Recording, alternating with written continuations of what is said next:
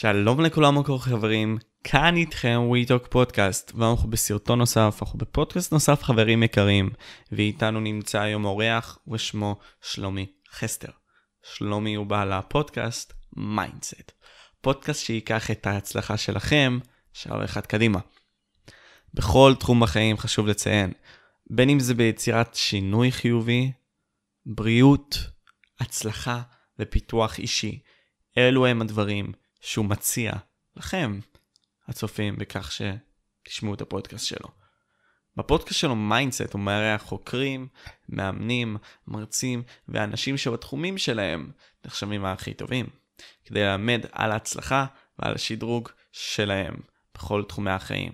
ומכך נלמד ונשכיל ונהיה אנשים יותר טובים. הוא מביא את המיינדסטים השונים ל mindset אחד. וזה מה שהופך את הפודקאסט שלו ליפה מבחינתי. חשוב לי לציין שהשיח היה מדהים, היה באמת רהוט, אה, גם אפשר להגיד שהיה בעל ערך עצום בהרבה מאוד מהנקודות שאני חושב שאי אפשר לפספס אותן. וחשוב שתראו אותן. בפודקאסט דיברנו על דפוס החשיבה המתפתחת, דבר הנקרא growth mindset, דבר שיכול לשנות לאנשים את החיים. הזכרנו מדיטציות שיכולות לבוא ולעזור לנו כבני אדם. דיברנו גם על העניין הזה של איך להתמודד עם חוסר ביטחון ואיך לשדרג את עצמנו ככה, על מנת שאנחנו נהיה עם ביטחון עצמי מלא ושלם. ולבסוף, הזכרנו מעט קריפטו וביטקוין. תודה רבה שאתם צופים, ובואו נתחיל.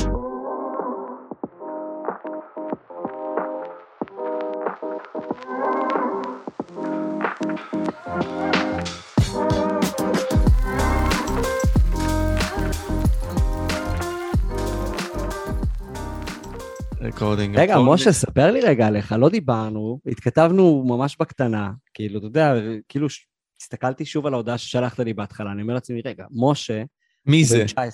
הוא בן 19. אני בן 18, לא, לא, אני עדיין בן 18, יש לי עוד איזה... הוא בן 18, כן. ויש לו כבר ביוטיוב אה, מלא תוכן כן. מעניין. כן. אז אני כאילו סקרן, מי, מי זה משה? אז בוא אני אגיד לך ככה, קודם כל, משה, אם אני מדבר עליי בעצמי, כן? זה מוזר. אמ, אני נער כיתה י"ב בכללי, אה, והיה לי את החלום הזה פשוט אה, ליזום פודקאסט. אמ, בכללי אני אתן מין סוג של הקדמה מסוימת, אני ספורטאי לשעבר. אמ, זכיתי באליפויות ישראל במקום שלישי פעמיים אה, בג'ודו.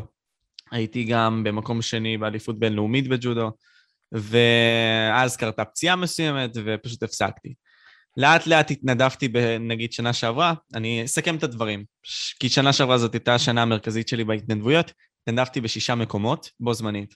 תוך כדי גם הייתי בכל מיני דברים אחרים, התאמנתי, פודקאסט, אמ, ופשוט רציתי לעשות את זה, הייתי מנהל של ארגון קשישים, אמ, ובאמת זה היה חשוב לי לעשות את זה מהסיבה הפשוטה שאם לא אני, אני לא בטוח שאחרים יעשו את זה, ואם אחרים יעשו את זה, אז אני מעדיף שזה אני אעשה את זה, כי בסופו של יום אני סומך שאני אעשה את העבודה בצורה הכי טובה שיש.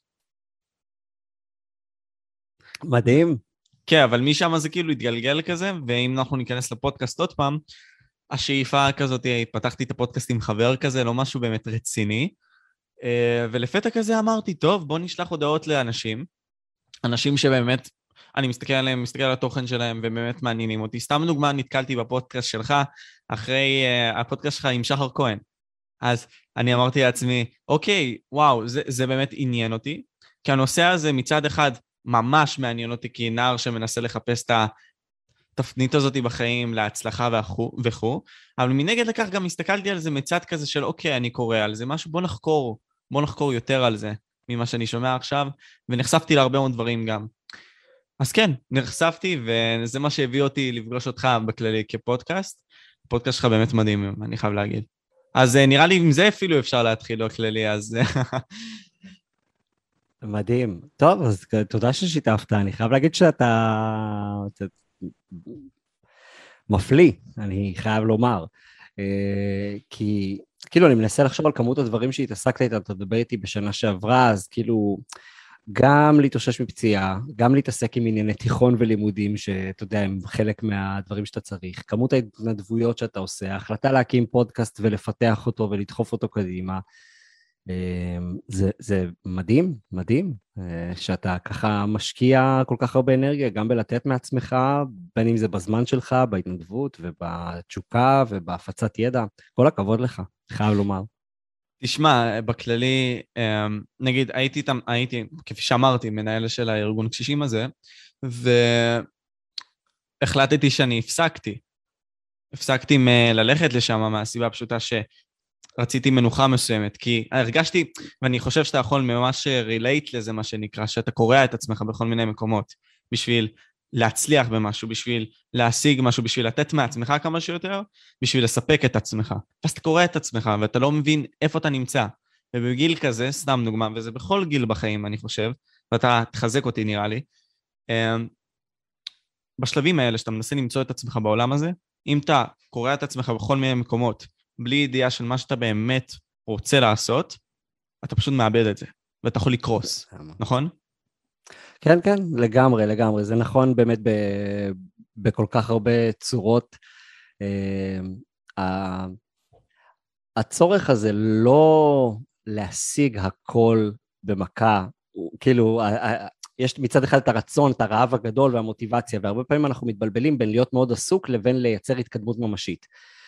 ואנחנו יכולים לבוא ולהסתכל על הלו"ז שלנו, על היומיום שלנו, ולהגיד, וואו, כאילו כמה עשיתי וכמה הספקתי, אבל בפועל, כמו שאתה אומר, פיזרתי את עצמי ליותר מדי מקומות, התשתי את עצמי ביותר מדי צורות, ועם הזמן אני פחות ופחות יכול אה, לייצר ערך במקומות ספציפיים, כי אני לא באמת all in באותם מקומות, וב' עם הזמן אני נשחק, אז היכולת שלי לתת בכלל אנרגיה באותם מקומות הולכת ונגמרת. ואני כבר פגשתי את זה הרבה פעמים בחיים שלי, התוצאה הרבה פעמים היא תוצאה מאוד לא כיפית של לא בא לי לעשות כלום.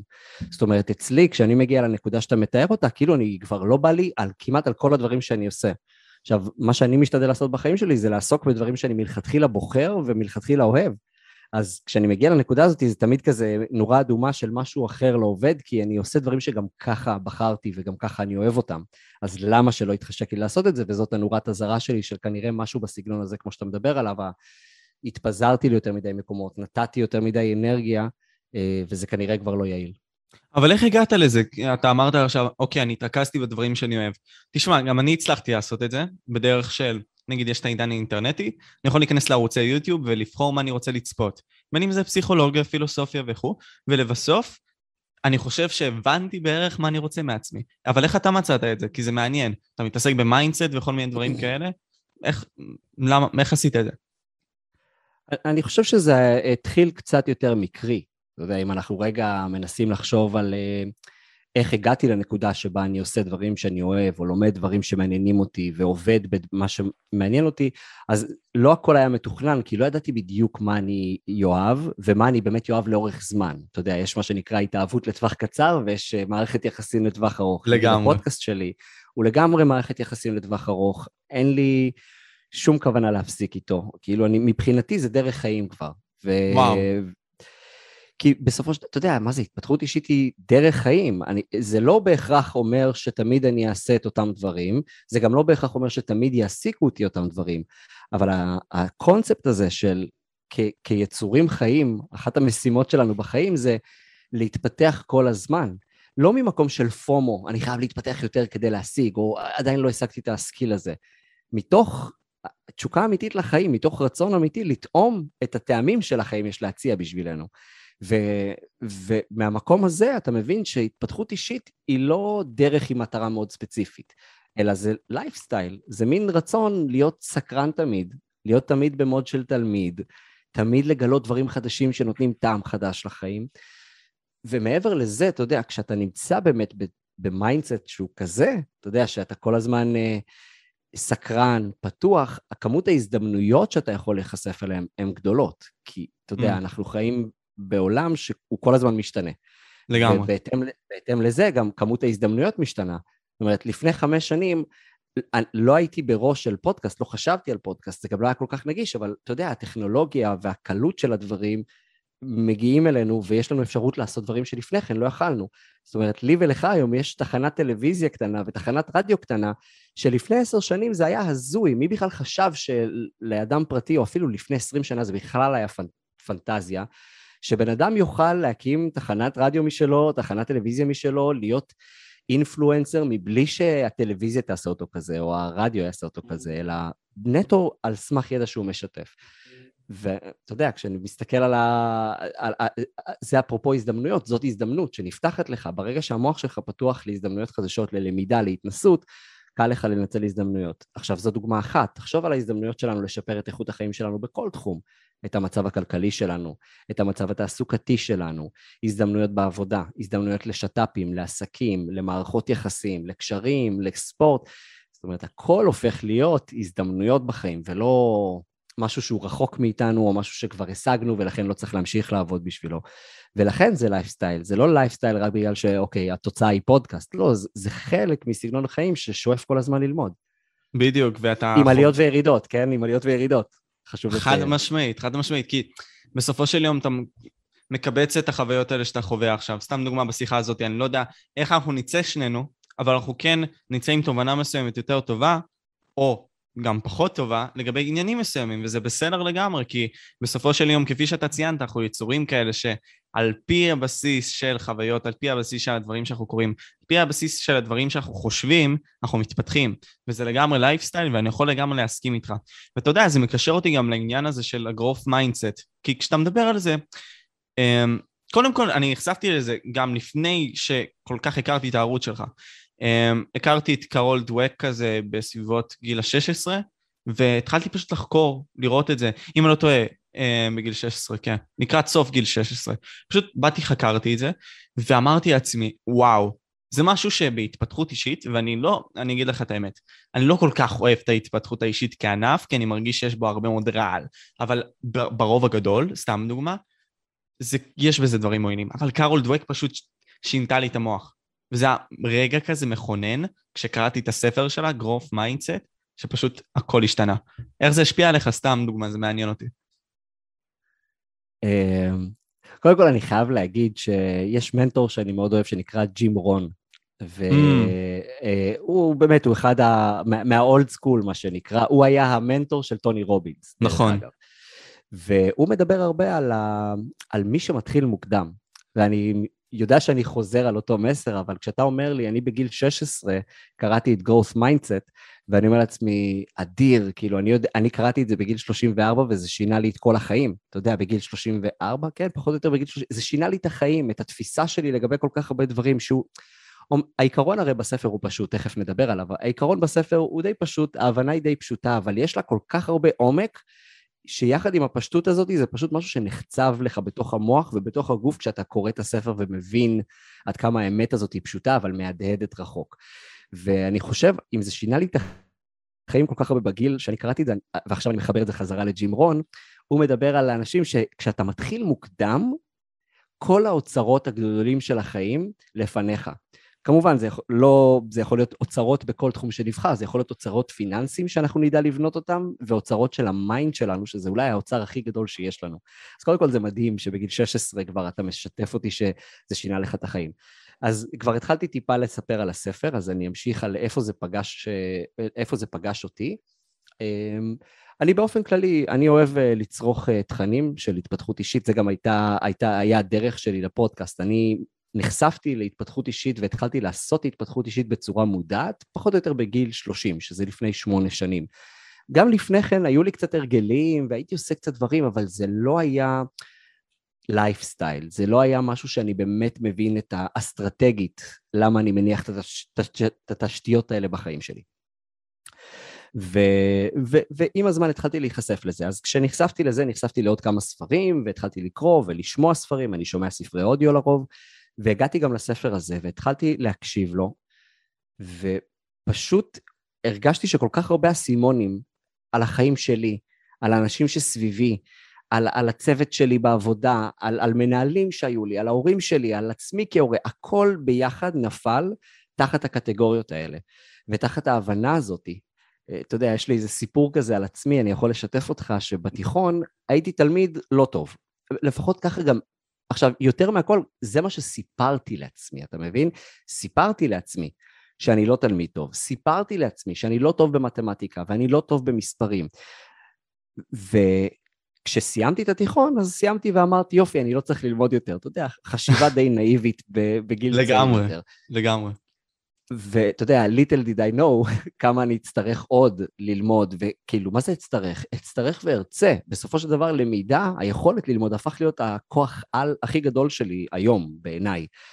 אז תחשוב על זה שבן אדם חי עם סיפור, בן אדם, הכוונה אני, חי עם סיפור לגבי עצמו, אני לא טוב בלימודים, אני לא טוב עם מספרים, וזאת האמונה שלי, אני מאמין בה. הגעתי, לה, הגעתי לתואר הראשון והייתי צריך לעשות אה, גם ארבעה סמסטרים בסטטיסטיקה, והי, פתאום סטטיסטיקה, רגע, מספרים, אני לא טוב בזה, אתה יודע, התקליט הזה חזר. הדברים המקבילים האלה. בדיוק, הדברים המקבילים. כי, כי בסוף לכולנו, ופה הקטע, לכולנו יש אמונות מגבילות. עכשיו, אנחנו, לוקח זמן להבין את ה, כמה אמונות מגבילות, זה סוג של אזיקים בלתי נראים, שקושרים אותנו ומגבילים את הפוטנציאל האמיתי שלנו. כי בסוף, תסתכל על אנשים סביבך, כל, אתה, אני בטוח שאתה תמצא כל מיני אנשים שאתה אומר, בואנה, לאיש הזה או לאישה הזו יש כזה פוטנציאל, אני לא מבין למה הם לא מנסים, למה הם לא מעיזים. כי אתה רואה משהו שהם לא רואים, והם כבולים בשלשלאות של אמונות מגבילות. אז בכוונה דיברתי על אמונות מגבילות, כי הבסיס לדבר בכלל על growth mindset ועל fixed mindset זה על האמונות שלנו. כי עכשיו אני אכנס רגע להגדרות. עד כאן ברור לך קצת ההסבר? כאילו, אני, אתה מכיר את הספר? על פניו מובן, כן, אבל אני חושב שצריך להדגיש שבספר גם נכנסים למושגים כמו חשיבה של ילד, חשיבה סקרנית כזאת, שאתה בא ומנסה באמת להבין את העולם, ובאמת לגשת לעניין הזה של ללמוד כמה שיותר, וזה ייקשר למה שאתה רוצה להגיד גם, המחשבה הזאת של הלמידה החופשית הזאת, של הניסיון באמת לשאול את השאלות, כי זה מאוד חשוב. אז זה, זה גם מדבר על זה בספר, וזה גם מה שנכנס ל growth ו fixed mindset בדיוק. מדהים, אתה נגעת בנקודה סופר חשובה, ויודע מה, אני אבנה כמה את הדברים סביב הנקודה שאתה דיברת עליה, מה זה באמת אומר להיות כמו ילד. אז בוא רגע נגדיר בכלל, נעשה סדר מה זה fixed mindset ומה זה growth mindset. ב fixed mindset אנחנו כמו שלומי הישן, אנחנו מאמינים שהיכולות שלנו, האינטליגנציה שלנו, הכישורים שלנו הם קבועים. ככה הם. זאת אומרת, גם אני האמנתי, פה אני חוזר למשמעות של המילה אמונה, האמנתי שהיכולת המתמטית שלי והיכולת שלי ללמוד היא קבועה ומוגבלת. זאת הייתה האמונה שלי. ב-growth mindset, האמונה היא שאנחנו יכולים לפתח את היכולות שלנו, את הכישורים שלנו, את האינטליגנציה שלנו, ולשנות אותם, את התכונות שלנו, ניתן לשנות אותם. עכשיו, אתה שם לב איפה ההבדל? ההבדל הוא האם אני מאמין שזה קבוע, או האם אני מאמין שזה אה, שזה ניתן לשינוי. ההבדל הוא במה אני מאמין, ולכן הסיפורים שאנחנו מספרים לעצמנו על היכולות שלנו הם סיפורים משמעותיים. ועכשיו אני רוצה לגעת בנקודה שדיברת עליה. כילדים, מה קורה לילד כשהוא מנסה ללכת? הוא, הוא פשוט צעד... מנסה לגלות את העולם, הוא מנסה כמה שיותר לנסות למצוא את הדרך שלו בין ארבעת הקירות האלה, מנסה להתהלך, לא מצליח, נופל, הוא רואה את האנרגיה שההורים מקרינים לו, ודוהר הלאה, מנסה הלאה. מדהים, אבל מה קורה אם הוא נפל פעם אחת? זה תלוי בהורים. הורים יגידו, סתם לדוגמה עכשיו, אוקיי, תקום, זה בסדר, מחייכים והכול, או שיהיו הורים שיגידו, ויקללו אותו, ואז זה ישפיע עליו. אבל בסופו של יום, רוב הסיכויים הוא ילך, כן? זה פשוט ייקח לו יותר זמן. נכון, ואני חושב שברוב המקרים, רוב ההורים אה, באמת אה, יהיו, בוא נגיד שהרוב הגדול של ההורים יעודדו את הילד לנסות שוב נכון. ושוב, וגם הילד, לא אכפת לו כמה הוא מתאמץ, לא אכפת לו כמה פעמים הוא נפל, לא אכפת לו אם נתנו לו פידבק ואמרו לו עכשיו ת, תעזוב את השולחן ותעשה כמה צעדים לבד, הוא בעצם מקבל פידבק, הטעויות שלו הן חוויות למידה, כמות המאמץ שלו לא מדכאת אותו. כמבוגרים, מה שקורה לנו, אנחנו מאבדים את אותה סקרנות, את אותה התמדה, את אותו... יש לך אמונות מגבילות. בדיוק, לא רק אמונות מגבילות, אנחנו מפתחים דברים מוזרים. מה אנחנו אומרים לעצמנו? אם אני מתאמץ, ואני רואה, נגיד אני רואה את משה, ואני מסתכל כמה קל לו היה להקים פודקאסט, אבל בשבילי זה סיוט, אני צריך ללמוד איך אני מחבר בכלל את המיקרופון, ואיך לערוך פרק, ואיך לעלות ליוטיוב. אם משה זה בא לו בקלות ואני צריך להתאמץ, מה זה אומר? אולי זה סימן שזה לא בשבילי. ולכן הרבה פעמים אנשים מסתכלים על מאמץ בתור תמרור שאומר להם, אולי זה לא בשבילך. יש אנשים שבשבילם זה בא בקלות, ואולי בשבילך זה לא בא בקלות. שים לב. אנשים מסתכלים גם על כישלונות או על uh, טעויות בתור סממן לזה שאולי כדאי שהם יעצרו, ולא mm. בתור סימן שהם בדרך. אנשים מסתכלים על פידבק בתור משהו שאולי ככה מאיים עליהם, ולא בתור משהו שמאפשר להם בעצם הזדמנות ללמידה. ובעצם אחד הדברים החשובים שאנחנו רוצים לעשות ב-growth mindset, וזה מתחבר ליכולת שלנו לחשוב כמו ילד, זה היכולת להסתכל על אתגרים, קשיים, מאמץ, השקעה, התמדה, בתור סממן חיובי שאנחנו בדרך. אין הצלחה משמעותית שבאה בקלות. אין דבר כזה, גם אם זה נראה למראיתיים. ולכן, אנשים מצליחים באמת זה אנשים שככל הנראה יאשרו את המסר שעכשיו דיברתי עליו. השקעה, מאמץ, כישלונות, טעויות, פידבק, הם חלק מהדרך של כל הצלחה וכל תהליך שבו אנחנו רוצים להשתפר בו בחיים.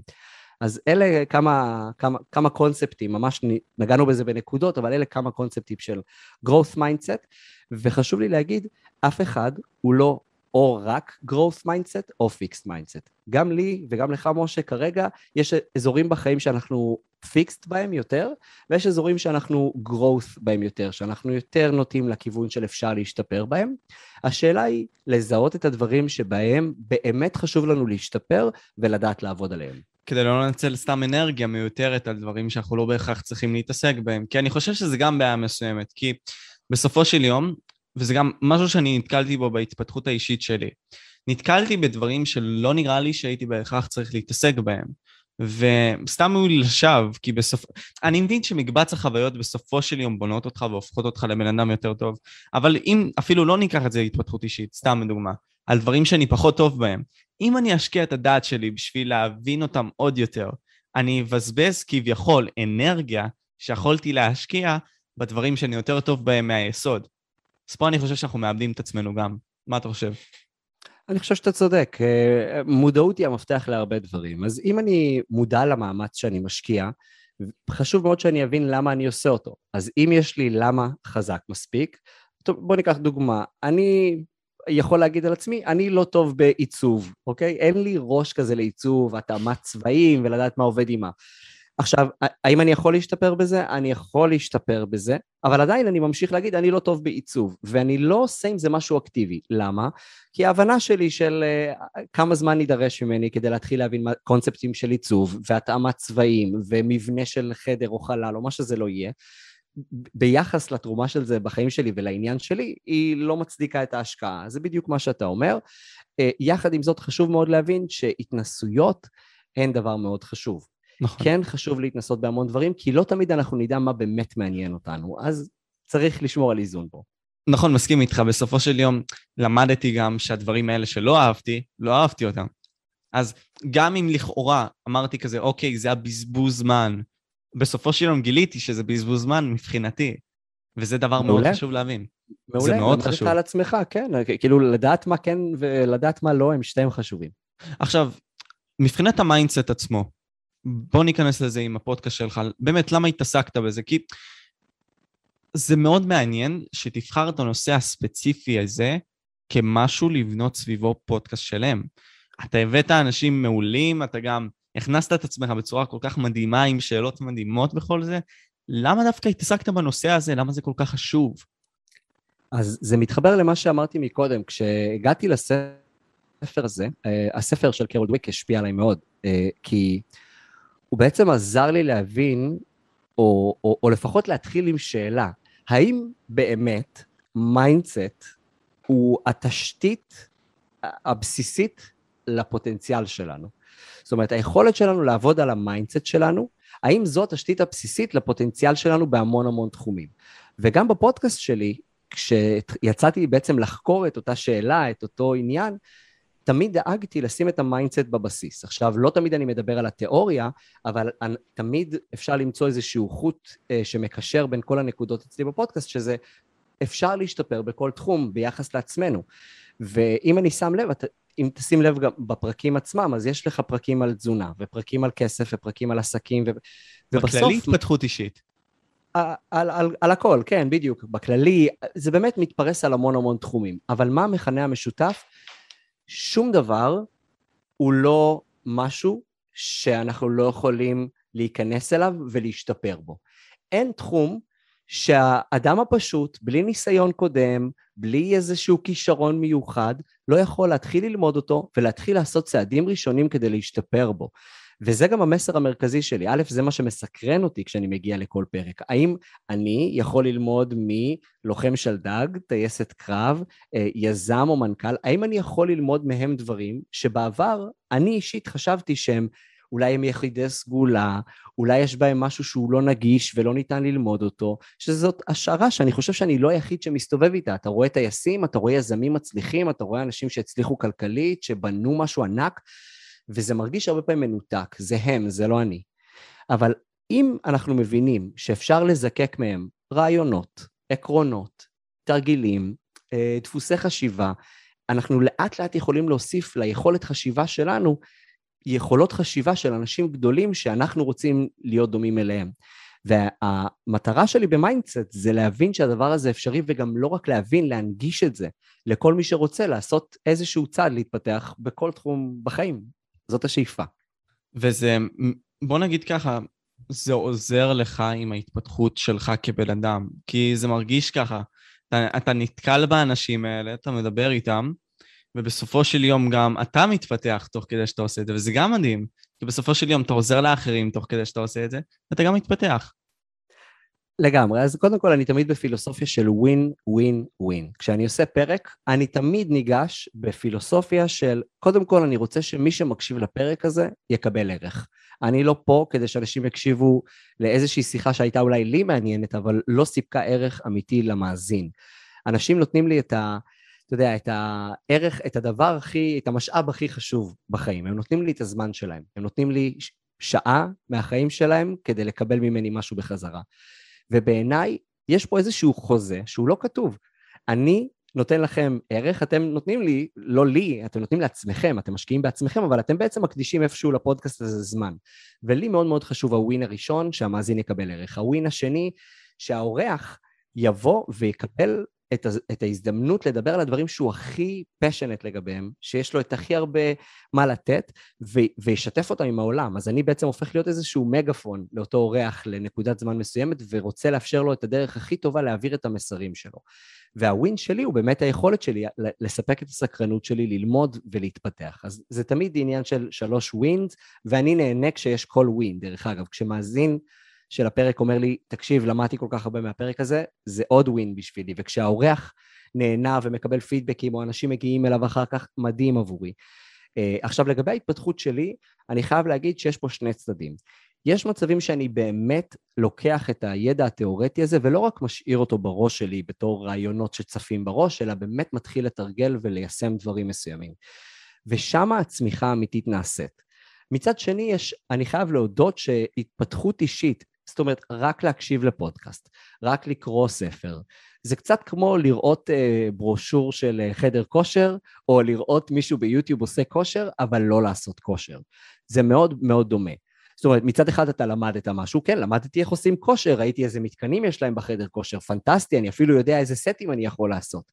אבל לא תפתח טיפה של שריר מבלי להיות בן אדם שנמצא בשטח, בלי להיות שחקן שמוכן ללכלך את עצמו, להיות על המגרש ולצאת לדרך. אני חושב שהתפתחות אישית בקטע הזה יכולה להיות ברירה, בריאה, כפי שאתה אומר, כשאתה בא ובאמת מיישם את זה, כמו שאתה מתאר, נגיד סתם אם אני עכשיו הולך לחדר כושר, ואני רוצה לפתח שריר, על מנת שהוא באמת יגדל אצלי ולא סתם, מה שנקרא, יהיה שמה, ויישאר כפי שהוא, אנחנו באמת נחזור ונעשה הרבה מאוד חזרות וננסה כמה שיותר לעשות סטים על מנת שהוא יוכל לגדול. וזה בדיוק מה שאני אומר.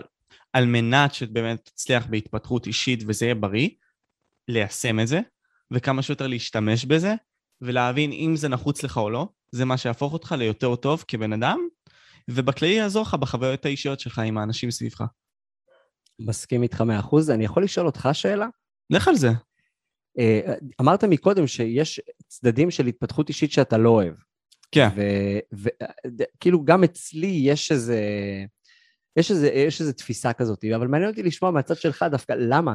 כאילו, מה, מה אתה לא אוהב? מה הצדדים העוינים שאתה רואה בהתפתחות okay, אישית? יש אנשים, סתם דוגמה, ואני אכנס לשתי רבדים עכשיו. יש את האנשים האלה שמוכרים לך סיפור הצלחה, וזה בעצם מין סוג של תרמית על מנת לתפוס אנשים אחרים ש... בסופו של יום כן רוצים להצליח, כן רוצים לצאת מהעוני הזה, ובסופו של יום זה נוגע בנקודה רגישה. כדי שאנחנו ניגע באמת באנשים כמו שאנחנו עושים עכשיו, אנחנו צריכים לגעת להם באיזשהו מקום.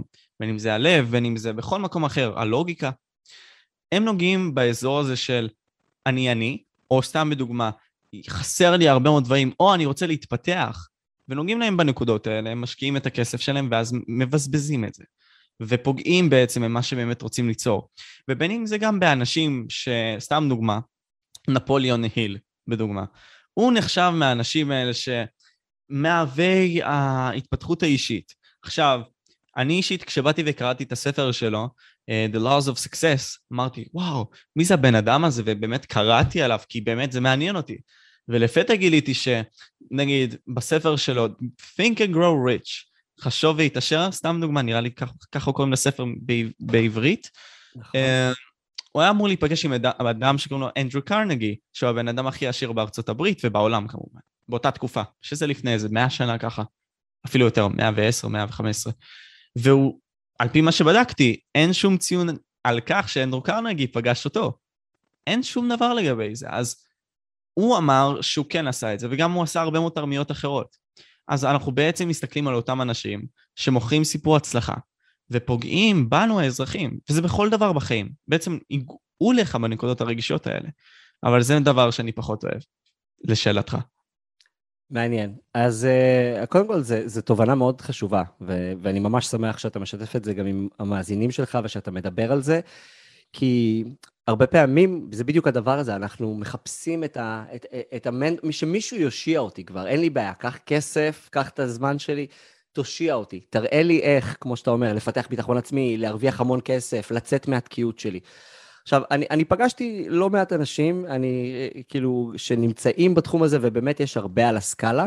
אתה גם יכול לראות את הכוונות השונות של אה, כל אחד, ומי באמת יש בו באמת את, ה, את, ה, את הרצון האמיתי העמוק לנתינה, ומי באמת קצת פחות במקום הזה, ויותר uh, מטפח את האתוס הזה של אני המנטור הגדול.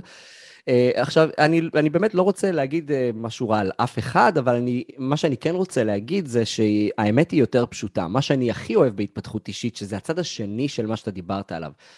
אנחנו לא צריכים אף אחד. זה בסדר להקשיב להרצאה של מישהו ספציפי, אולי אפילו לקחת קורס בודד שלו.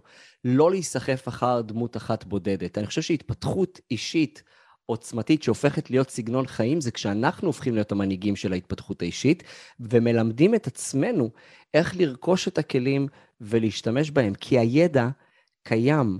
כל הדברים שאתה תקרא, כל מה שכל מנטור יגיד לך, זה דברים שנמצאים, הם, הם זמינים, הם בחינם, ובסופו של דבר, אם תיישם אפילו שליש מתוך 100% ממשהו שתקרא בספר אחד, החיים שלך יכולים להשתנות, של כל אחד.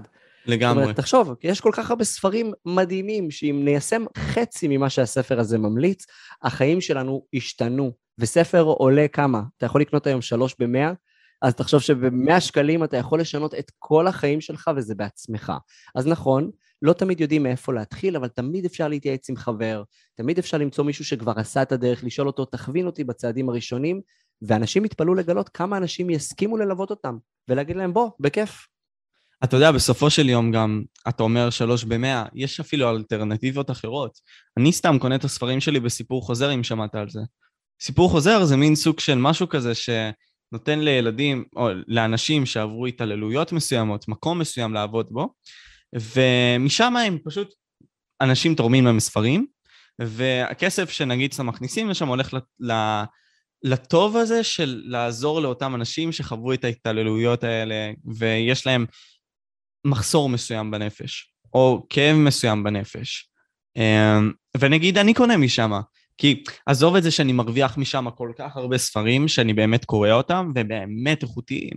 אני גם עוזר למטרה טובה, אז מי שמעוניין לקרוא על המיזם הזה בכללי, אני גם ממליץ על זה. אז איך אתה שמעת על זה סתם דוגמה? מדהים. על מה? על סיפור חוזר? כן. Uh, אשתי uh, עובדת uh, באנוש, uh, שזה בעצם, uh, uh, זאת עמותה לאנשים שבעצם uh, מתמודדים עם, uh, עם הפרעות uh, נפשיות, או עם uh, כל מיני, בעצם צריכים שיקום uh, נפשי. ובעצם דרך, ה, דרך העבודה שלה היא מחוברת לכל מיני עמותות ומיזמים ומייצרים שיתופי פעולה, אז אני זוכר שהגענו לפתח תקווה פעם אחת לאיזה חנות, אז היא אמרה לי, אה, בוא ניכנס לפה, והסבירה לי את זה. לא ידעתי בדיוק מה זה, ידעתי שזה איזשהו אה, ארגון כזה שמקדם גם אה, אלמנטים חברתיים, לא ידעתי בדיוק מה הסיפור מאחורי זה, אבל uh, אני, אני זוכר שגם כן קניתי משם כמה ספרים, אז הנה, דוגמה מצוינת לזה שאפשר גם לקנות ספרים אפילו יותר בזול ועדיין זה, ואני חושב שהמטרה פה הייתה של שנינו להדגיש שלא צריך הרבה כסף ולא צריך איזה מנטור גדול, ובכנות, uh, אני בטוח שאנשים יכולים פשוט להקשיב לפודקאסט שלך עם מחברת, ועם, אתה יודע, עם מחברת ועט, ולהתחיל לזקק רעיונות ולהתחיל לתרגל אלמנטים של שיפור עצמי. לצאת לרוץ, אף אחד לא צריך חדר כושר מפואר או שום דבר בשביל לצאת לרוץ או לעשות יוגה או פק"לים בבית. אה, כדי לעשות מדיטציה, אתה לא צריך כלום, יש המון כלים בחינם. כדי להתחיל לכתוב ולנהל יומן, אתה בסך הכל צריך מחברת. התפתחות אישית, זה, זה, זה גם התשוקה הכי גדולה שלי בלעשות את הפודקאסט. היא יכולה להיות בחינם, והיא יכולה להיות עוצמתית, והיא יכולה לתת לך המון המון כלים. המחיר אבל, המחיר הוא גדול מאוד. המחיר הוא שאין גלולת קסם.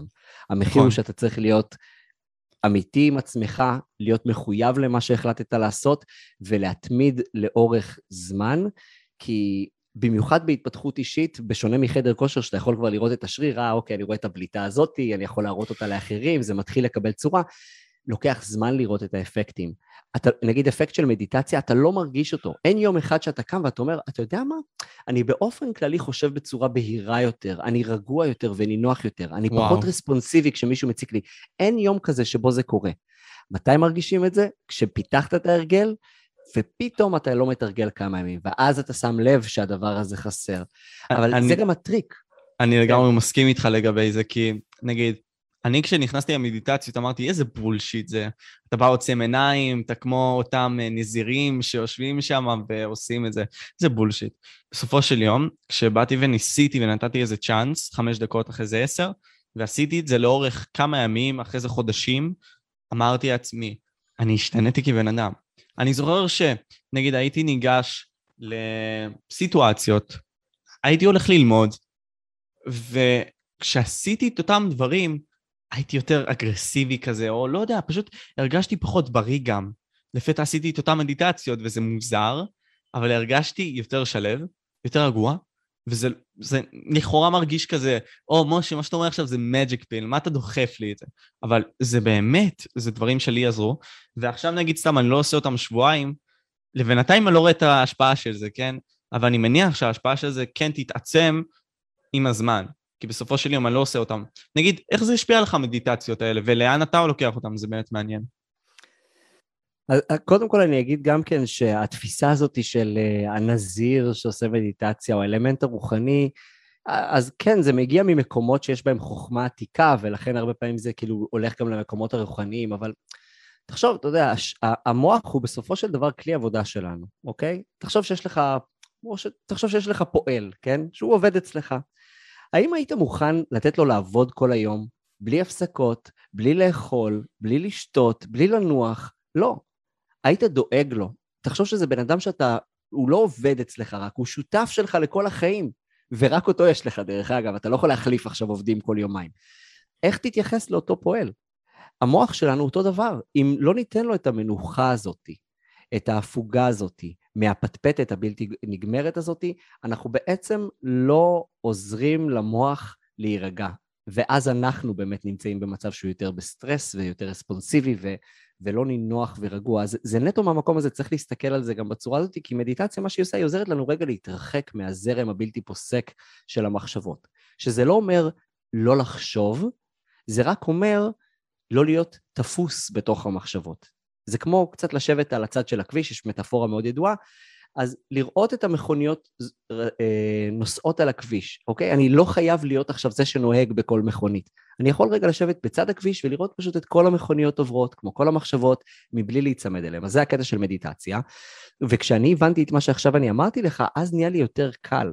כי גם לי היו כל מיני תפיסות אה, שונות לגבי מדיטציה, ומה זה מדיטציה, והאם זה רוחני, מה אני אמור להרגיש, האם אני עושה את זה נכון, המון שאלות, המון ביקורת עצמית, ומתי זה עולה? בדיוק כשאתה מתיישב לעשות מדיטציה.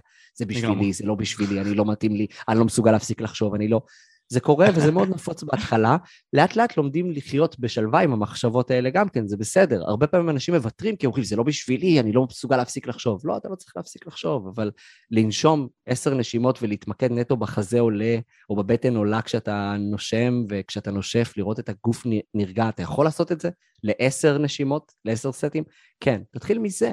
תן, ת, ת, כאילו, לאט לאט זה מגיע, לאט לאט זה מצטבר, כמו בכל דבר. אה, אני הגעתי למדיטציות כי כשהתחלתי אה, להבין ש... מהי התפתחות אישית, מה, מה עושים אנשים מצליחים, מה עושים יזמים, התחלתי לראות שיש כמה דברים שכולם עושים. התחלתי לזהות כמה דברים גנריים שוואלה, כולם עושים את זה. הרבה אנשים יש להם שגרת בוקר, בדרך כלל היא תכלול איזשהו אלמנט של ספורט, אלמנט של מדיטציה, אלמנט של כתיבה, אלמנט של למידה. ואתה יודע, אלה המרכזיים שאתה מוצא אצל אנשים נורא נורא מצליחים, שזה הדברים שהם עושים. והחלטתי להתחיל לנסות את כל אחד מהדברים האלה. התחלתי להגיד, אוקיי, מה קורה אם אני אעשה את מה שאותם אנשים מצליחים עושים? איך אני ארגיש עם זה? אז זה, זה היה הטריגר שלי אה, לכמה מההרגלים שלי, כולל כתיבה ביומן, אה, מדיטציות. אה, התחלתי בזה, ולאט לאט התמדתי, וגיליתי את היתרון העצום שיש לדבר הזה. אבל תוך כדי שנגיד עשית את המדיטציות, סתם דוגמה, שמעת על האפירמיישנס כל משן? כי זה באמת מעניין אותי. כן, בסוף... אבל אני לא מסתכל עליהם באותה צורה. אני מפריד כי... בין מדיטציה רגילה לבין אפירמיישנס. כי, כי זה מאוד מעניין אותי, כי בסופו של יום, נגיד סתם, אני ניסיתי אפירמיישנס, um, אני, אני אישית לא יודע אם זה כל כך מועיל, אני באמת לא חקרתי את זה מספיק, ואני אשמח לשמוע את העניין שלך לגבי זה, כי אני אישית לא מצאתי בזה כלשהו תועלת. כאילו, מן הסתם, עדיף שיהיו לך מחשבות טובות לגבי כל הדברים שלך, תעלה את הביטחון שלך, אבל אני מסתכל על זה ככה שאם תבצע דברים, ותעשה על פי השפעת המומנטום עוד דברים ועוד דברים ועוד דברים, הביטחון יעלה בהתאם. אתה לא צריך באמת להגיד לעצמך עד כמה אתה טוב, אם אתה עושה דברים שמוכיחים עד כמה אתה טוב. אה, וואו, אז קודם כל אמרת פה משהו אה, שהוא נורא נורא מעניין, נורא חכם, אה, כי זה באמת נכון. אה, בעיניי, אה, אה, מה שאתה אומר בעצם, אם תבצע, אם תעשה, אה, תוכיח לעצמך את הדברים שבעצם לא, יצר, לא ידרשו ממך אה, אה, לעשות את האפירמציות האלה. אני לא חושב אבל, למרות שאני חושב שמה שאמרת הוא מאוד נכון, ויש לו אימפקט הרבה יותר חזק והרבה יותר מיידי. יחד עם זאת, אה, יש כמה דברים. אחד, צריך להבין שאנחנו עברנו שטיפת מוח אה, בחיים האלה. שטיפת מוח מבית ספר, שטיפת מוח מההורים, שטיפת מוח של החברים, שטיפת מוח מהפרסומות, מהטלוויזיה, מהאינסטגרם. כמות המסרים שעברו לנו לגבי עצמנו, מי אנחנו, מה אנחנו צריכים להיות, איך אנחנו אמורים לחשוב, במה אנחנו טובים ולא טובים, אי אפשר אפילו להתחיל לכמת אותה, וכמו שאמרת, אני לא יודע להגיד מה ההשפעה של אפירמציות על החיים שלי, אתה גם לא יודע להגיד מה ההשפעה של אה, מותגים ופרסומות על החיים שלך. אתה עכשיו, גם עכשיו כשאנחנו מדברים, אנחנו לא מבינים בעצם עד כמה אנחנו רוצים להיות משהו רק בגלל שתכנתו אותנו להיות הדבר הזה, או כמה אנחנו מרגישים חסרי ביטחון, או לא שווים מספיק, כי בית ספר גרם לנו להרגיש ככה על ידי זה שהוא חילק לנו ציונים, ופייסבוק חילק לנו לייקים, אז זה גם כן משהו שאנחנו צריכים להבין. אני חושב שיש מקום מסוים לשטיפת מוח נגדית, ואני לא חושב שזה דבר רע.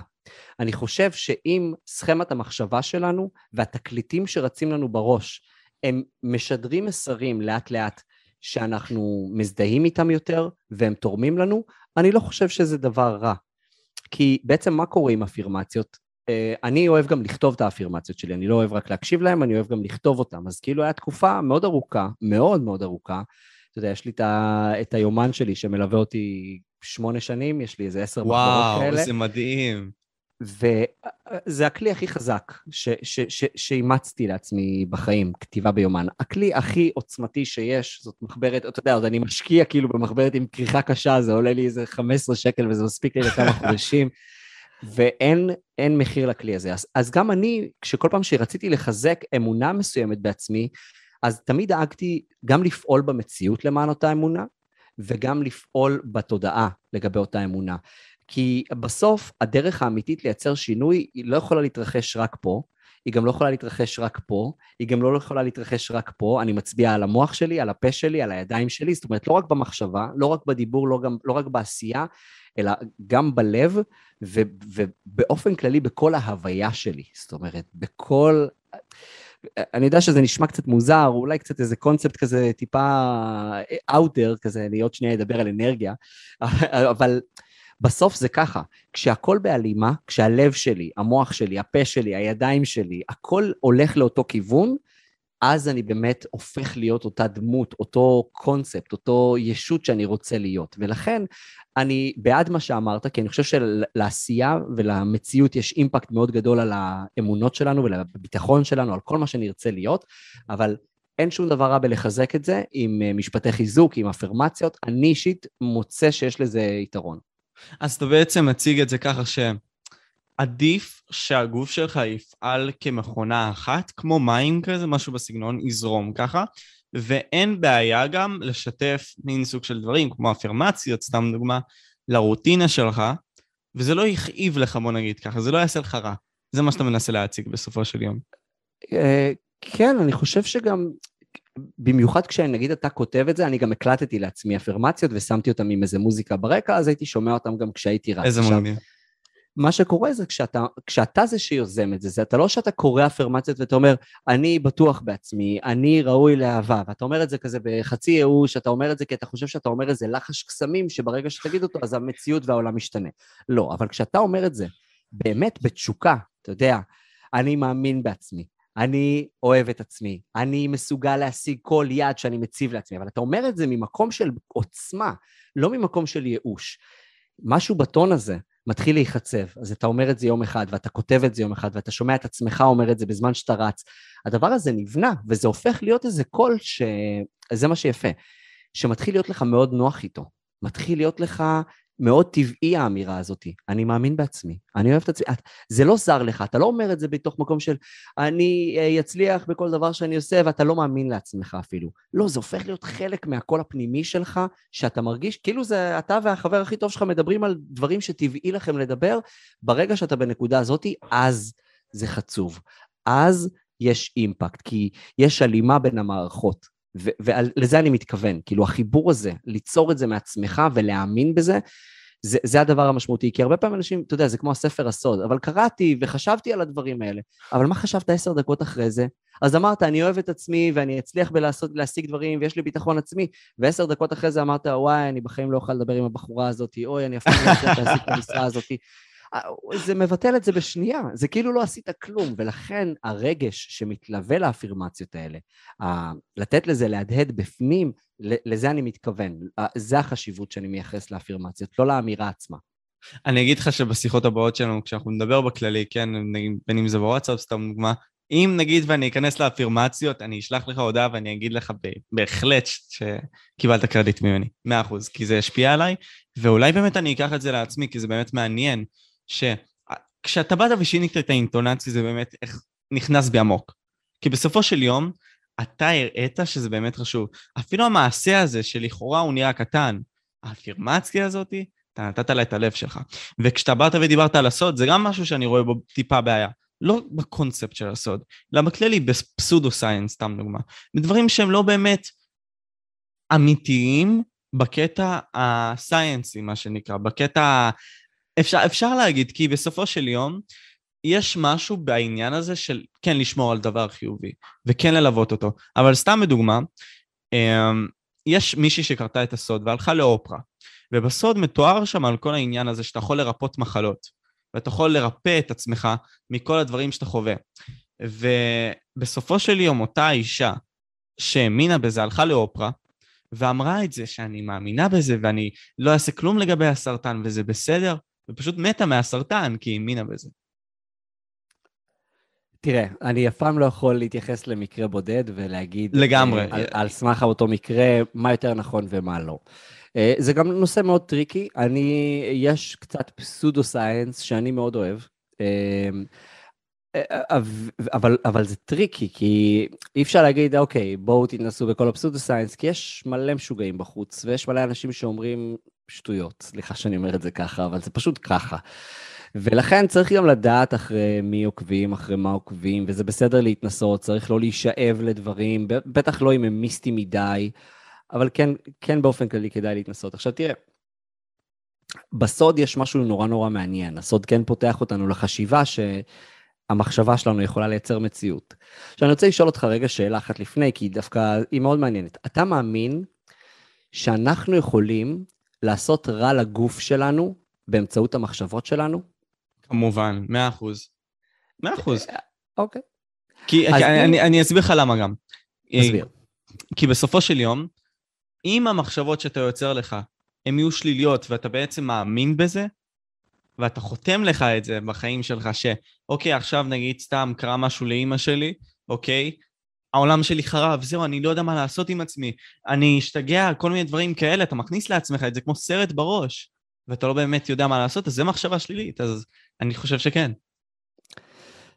אה, אז קודם כל זו דוגמה מצוינת. אה, תחשוב גם על סטרס. ממה הסטרס הרי נגמר, נגרם? אתה יודע, בהרבה מאוד דבר- מהמקרים מחוויות שאנחנו צברנו מהחיים. אה, סתם דוגמה, שריטות ילדות. הן בעצם חוויות מסוימות, או נגיד סתם סתירות מסוימות בחיים, סתם דוגמה, משפחה מסוימת שלכאורה מראה שהם אוהבים אחד את השני, אבל בעצם כשהילדים עוזבים את הבית הם מכים אחד את השני. הם לא באמת אוהבים, הם שמים את ה play הזה של face mask כזה מול כולם, אבל לכאורה בפנוכו של הדבר, הם לא באמת אוהבים את זה, ואז שניהם סובלים, כי זה פייק. אוקיי, אז uh, כשאנחנו נמצאים בסיטואציות שהן uh, לא מטיבות איתנו, אנחנו מתחילים לסבול. Uh, סטרס הוא, הוא, הוא לגמרי גורם פסיכולוגי שמשפיע על הגוף. מה זה סטרס? סטרס זה כשאני נמצא בסביבה רוויית uh, לחץ, או אני מפרש את הסביבה כרוויית לחץ. יש לי המון דדליינים, יש לי מבחנים, יש לי עומס, יש לי קושי כלכלי, והכל מתנקז ביחד, אני בלחץ. איפה אני מרגיש לחץ? זה פסיכולוגיה הרי, זה מגיע מזה שאני מספר לעצמי סיפור, וואי, יש לי את הזה, יש לי את העומס, יש לי את המבחנים. באותה מידה, בן אדם אחר שמתמודד בדיוק עם אותם דברים, יכול להיות הכי רגוע בעולם. בסדר, יש לי את המבחן עוד יומיים, אני מתחיל ללמוד לגבי כל הנושא של הכסף, אני אטפל בזה בשבוע הבא, אתה יודע, אותה מציאות. אז הסטרס הוא לגמרי עניין פסיכולוגי של איך אני מפרש את המציאות ומה אני מספר לעצמי. וכולנו יודעים, או לא כולם יודעים, אבל למי שלא יודע, סטרס הוא אחד הגורמים הכי משמעותיים לבעיות אה, בלב ולכל מיני בעיה של אה, איזון. בסופו של דבר זה הורמון שמופרש בגוף. אז אה, זה, אנחנו מתחילים לפגוע באיזון הכימיקלי של הגוף, אנחנו מתחילים לשחוק את כל האיברים הפנימיים, הרבה פעמים אנשים עם סטרס, יש להם כל מיני בעיות בבטן וכאלה, הלחץ משפיע. אז אני חוזר רגע לאותה נקודה, אנחנו יכולים בוודאות לגרום לגוף שלנו להיות חולה, נטו באמצעות החשיבה שלנו. אז מהצד השני, האם אני יכול לגרום לגוף שלי להיות בריא רק בעזרת החשיבה שלי? האם אני יכול לרפא מחלה רק בעזרת החשיבה שלי? עכשיו, אני לא מנסה להכריע פה את השאלה הזאת, אני גם לא רוצה לנסות. אני רוצה לפתוח את החשיבה שלנו לאפשרות של אם אני יכול לגרום לגוף שלי להיות חולה רק באמצעות איך שאני חושב, האם אני יכול לגרום לעצמי להיות בריא יותר, או לגרום לגוף שלי להיות בביצועי שיא רק באמצעות איך שאני חושב? שזה קונספט מעניין, רק להשאיר אותו פתוח, לא לסגור אותו. אני, וואו, אני לא יודע איך לענות לך על זה עכשיו, וגם אני מרגיש שזה פשוט ייקח ממני יותר מדי זמן לחשוב על זה, אבל זה באמת מעניין מה שאתה אמרת, וזה זה נראה לי מה שדיברת בעצם על ה pseudo science הזה, שמצד אחד זה נראה מאוד קביל, אנחנו לוקחים את זה נגיד סתם לעניין הזה שאנחנו לכאורה יכולים לגרום לעצמנו להיות חולים, והעולם הוא מסובך, ובגלל שהוא מסובך אולי אנחנו לא מבינים את כל הדברים, ואולי מה שנחשב עכשיו pseudo science הוא יהיה אחרי זה science. זה, זה העניין, זה העניין, ואני בהחלט מסכים איתך בקטע הזה. פשוט בדוגמה עכשיו, של עכשיו, האישה הזאת מתה מסרטן, אבל זה חוזר לנקודה הזאת שבאת ואמרת. אם אתה קורא שליש מספר, ואתה באמת מבין אותו, זה כבר יכול לשנות לך את החיים. אז אפילו אם בדוגמה ולקחת עכשיו, לא יודע מה, מקום מסוים, נגיד את and grow rich הזה, שאמרנו שהוא לא כל כך, לא יודע, אני לפחות אמרתי, שהוא לא הכי וואו, מן הסתם הוא מורכב מדברים שהם אכן טובים. השאלה היא, מה אנחנו רוצים לעשות עם זה? איך אנחנו רוצים להטמיע את זה בנו? באיזה חלק? האם להתייעץ? האם לבדוק מה אנשים אחרים עשו?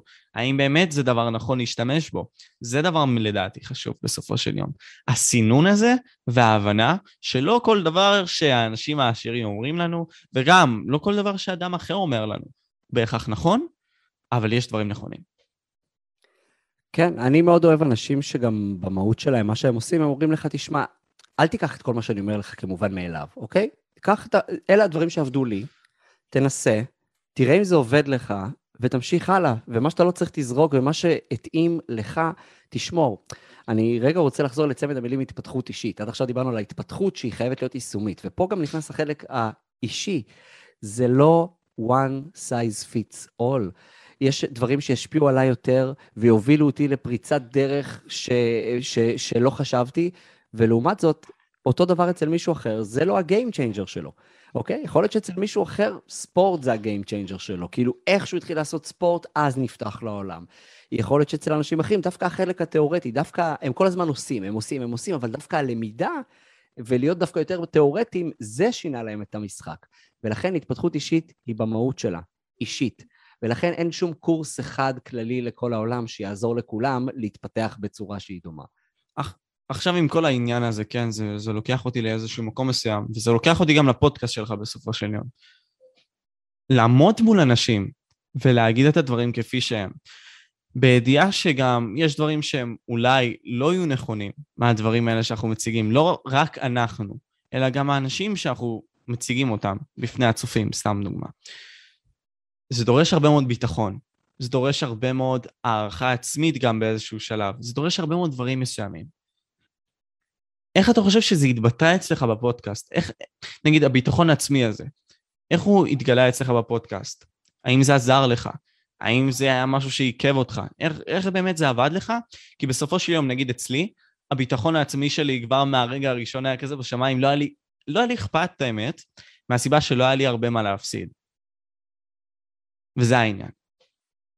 אדיר, אז אני לא יודע על איזה ביטחון עצמי אתה מדבר בפודקאסט שלי, כי כשאני התחלתי את הפודקאסט שלי, הדבר האחרון שהיה לי זה ביטחון עצמי בלעשות את הפודקאסט הזה. זאת אומרת, השאלה הראשונה ששאלתי את עצמי, עוד לפני שהגיע המרואיין הראשון, ואני יושב מול מיקרופון ועוד מול מיקרופון ריק, שעוד מעט הולך לשבת בו בן אדם, זה, מה אתה עושה? כאילו, את מי אתה הולך לראיין? מי אתה שתראיין מישהו? עכשיו, אני לא יודע איך הייתה החוויה שלך, היא כנראה הייתה שונה לפי מה שאני מבין, אבל ביטחון עצמי זה לא היה החוויה הדומיננטית שאני חוויתי באותו רגע. דווקא היה לי תחושה של אה, מי אתה שתעשה פודקאסט על התפתחות אישית ותראיין אנשים, אתה לא מנטור, זה בכלל לא התחום עיסוק שלך, זה לא מה שלמדת באוניברסיטה, אה, ואתה בסך הכל בן אדם שאוהב התפתחות אישית, אז למה שתעשה את זה? אז אה, דווקא הדברים האלה, הם, אני חושב שדווקא היו לטובתי. כי באתי, אני חושב שהפודקאסט שלי לא הצליח כי אני יודע כל כך הרבה דברים ואיך אני מביא את הדברים האלה. אני חושב שדווקא העובדה שאנשים מתחברים למקום הזה של, אוקיי, כאילו, גם שלומי לא יודע, בגלל זה הוא מביא מומחים, בגלל זה הוא לומד יחד איתם, ובשאלות שלי יש באמת מימד של אה, עין לעין, גם אם הכרתי חלק מהקונספטים, אני לא מנסה להציג את עצמי כמי שיודע. אני חושב שדווקא מהמקום הזה של אני תלמיד, יחד עם כל מי שמאזין לפודקאסט, וכולנו פה כדי ללמוד משהו, אני דווקא חושב שזה עזר לפודקאסט אה, יותר. אני חושב שדווקא היכולת שלי להיות יותר בשקט ולתת יותר במה לצד השני, ולהיות אפילו תמים עם השאלות שלי, ולא לנסות להיראות כמישהו שיודע, אלא, אלא באמת להיות במקום שאני רוצה ללמוד, זה דווקא החוזקה, אה, אני חושב, שעזרה לפודקאסט הזה להצליח, וגם עזרה לי באמת להיות במקום שבו אה, גם לי אולי יש פחות מה להפסיד. אני בסך הכל רוצה ללמוד. אז זה, זה עניין שהוא, אה, זה, זה, זה אני חושב שהיא הזווית שלי. עכשיו, אתה דיברת על זה שאתה רוצה להיות כזה back, ככה אני מבין, נכון? back, סוג של מקשיב, נותן לאנשים לדבר, ומשם נותן לשיחה לזרום. בסופו של יום, איזה טיפים היית נותן גם למראיין מסוים, שבאמת רוצה לקחת את הפודקאסטינג גיים שלו, ממה שאתה חווית, bit, מה שנקרא, להגדיל אותה, לשפר אותה, מה היית נותן לו? אז אני קודם כל הייתי אומר שזה, אני אחדד ואני אגיד, זה actively laid back. זאת אומרת, זה לא laid back במקום של, אה, אני פה רק כדי לשאול איזה כמה שאלות, לא, זה, זה, זה, זה, זה אקטיבי. זה לדעת מתי לעצור, מתי לשאול את השאלות. זה לא להיות פסיבי בתוך הסיטואציה, אלא להיות מאוד מאוד אקטיבי בהאזנה שלך ולדעת מתי אתה laid back. אה, וגם כשאתה laid back, אז זה לא שאני יושב אה, ואתה יודע, כאילו, שים לב, גם אתה בשיחה, אתה מקשיב, אתה, אתה, אתה עוקב, אתה שואל שאלות שהן בקונטקסט, אתה יחד איתי. ואני חושב שזה חלק מאוד מאוד מרכזי. אז קודם כל, אה, זה להיות יחד עם המרואיין ולהרגיש אותו ולתת לו את המקום. עכשיו, הטיפים שהייתי נותן, אתה יודע, בוא, בוא נלך רגע לבסיס. קודם כל, למה אתם רוצים להקים פודקאסט? אם אין לכם למה מספיק חזק, זה אולי נשמע כבר כמו קלישאה, תתחילו עם הלמה שלכם, אבל זה לא קלישאה, זה מאוד נכון, כי לא קל היום להקים פודקאסט ברמת ה... מהר מאוד, זה יקבל חשיפה ענקית ויהיה לזה המון מאזינים, זה לא עובד ככה. לפני ארבע שנים, שלוש שנים, היה יותר קל להקים, כי לא היה כל כך הרבה אנשים שרבים על האוזן של מאזינים. היום זה הרבה יותר קשה. אז חשוב מאוד להבין שגם אחרי כמה פרקים, לא יודע, חמישה פרקים, שישה פרקים, יכול להיות שיהיה לכם רק 100 האזנות, 200 האזנות, אולי אלף האזנות. וזה בסדר, אבל אם אתם עושים את זה מסיבה אמיתית, כי אתם רוצים לדבר על נושא שבוער בכם, שאתם אוהבים אותו, עם אנשים שמדליקים אתכם, או, או אם, גם אם זה פודקאסט אישי, אבל אתם רוצים רק לדבר על זה, אז יש לכם למה חזק, וכמות האנשים שמאזינים לא תשנה לכם. כי כשאני בהתחלה הסתכלתי על הדברים, אמרתי, אה, 100 מאזינים, זה נשמע קצת מעט. לא, שלומי, תדמיין שיש עכשיו כיתה, או אודיטוריום אפילו, של 100 אנשים שיושבים ביחד ומקשיבים לשיחה, 100 אנשים, זה מטורף, זה כל כך מרגש. אז הפרספקטיבה היא דבר נורא חשוב, והלמה הוא דבר נורא חשוב. זה דבר אחד. דבר שני, אני חושב שהשאלה היא, אמ, א', זה מאוד מאוד תלוי איזה פודקאסט עושים, אבל בהקשר של, אה, נגיד אצלי פודקאסט ראיונות, אני תמיד מתמקד באיזה ערך אני מביא לאנשים.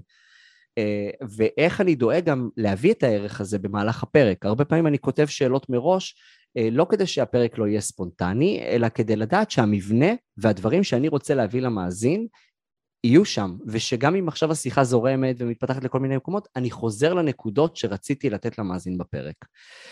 אה, דבר שלישי זה לא להיכנס ליותר מדי אנליזות, כאילו בואו, זה פודקאסט, תעשו כמה פרקים, תתנסו, תשפרו את זה תוך כדי הדרך, שום דבר לא חייב להיות מושלם כשהוא יוצא, אני לא מזלזל בערך של תכנון מוקדם, אבל מצד שני אני גם לא הייתי רוצה שאנשים ייתקעו על אה, אני עוד לא שם, או מישהו צריך לתת לי אישור לזה, לא, תרוצו, תזמינו אורחים, תתחילו להקליט כמה פרקים, תראו איך זה עובד לכם, תשנו אם צריך ותזרמו עם זה. אז הטיפים שלי היו מאוד כלליים, אבל אה, אם אתה רוצה אני גם יכול לחדד אותם, אם יש לך שאלה. אם אתה, אם, קודם כל לגבי העניין הזה של מה שאתה תיארת עכשיו עם זה ש...